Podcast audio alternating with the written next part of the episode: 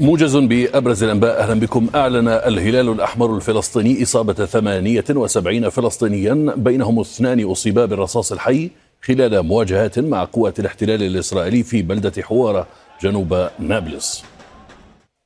أعرب الاتحاد الأوروبي عن قلقه البالغ إزاء ارتفاع مستوى العنف في بلدة حوارة في الضفة الغربية ودعا إلى ضمان المساءلة وحماية المدنيين. أفادت مصادر محلية فلسطينية باندلاع اشتباكات مسلحة بين مقاومين وقوات أمن تابعة للسلطة الفلسطينية في مخيم جنين. وجاء ذلك تزامنا مع آه، مسير عسكري لكتيبة جنين في ذكرى انطلاقة حركة الجهاد الإسلامي.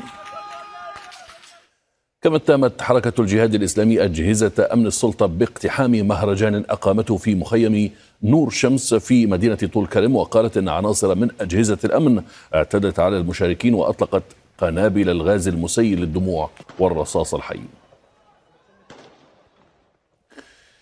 من جهته دعا الأمين العام لحركة الجهاد الإسلامي السلطة الفلسطينية إلى الإفراج عن جميع المعتقلين السياسيين والمقاومين واتهم أجهزة الأمن الفلسطينية بملاحقة المقاومين واعتقالهم استجابة لقرار أمريكي إسرائيلي على حد وصفه.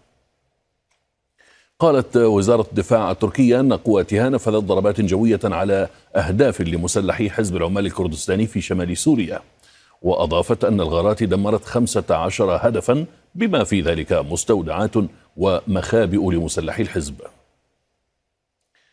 وذكرت وسائل إعلام تركية أن القوات التركية في جرابلس استهدفت بالمدفعية الثقيلة مواقع تابعة لما يعرف بقوات سوريا الديمقراطية في منطقة زورمغار وجبال الشيوخ شمالية سوريا. ذكرت وزارة الخارجية التركية أن الوزير هاكان فيدان أكد في اتصال هاتفي مع نظيره الأمريكي أنتوني بلينكن ضرورة تخلي واشنطن عن العمل مع وحدات حماية الشعب في شمال سوريا. بدورها أفادت الخارجية الأمريكية بأن واشنطن وأنقرة شددتا على هدفهما المشترك بالقضاء على التهديدات الإرهابية.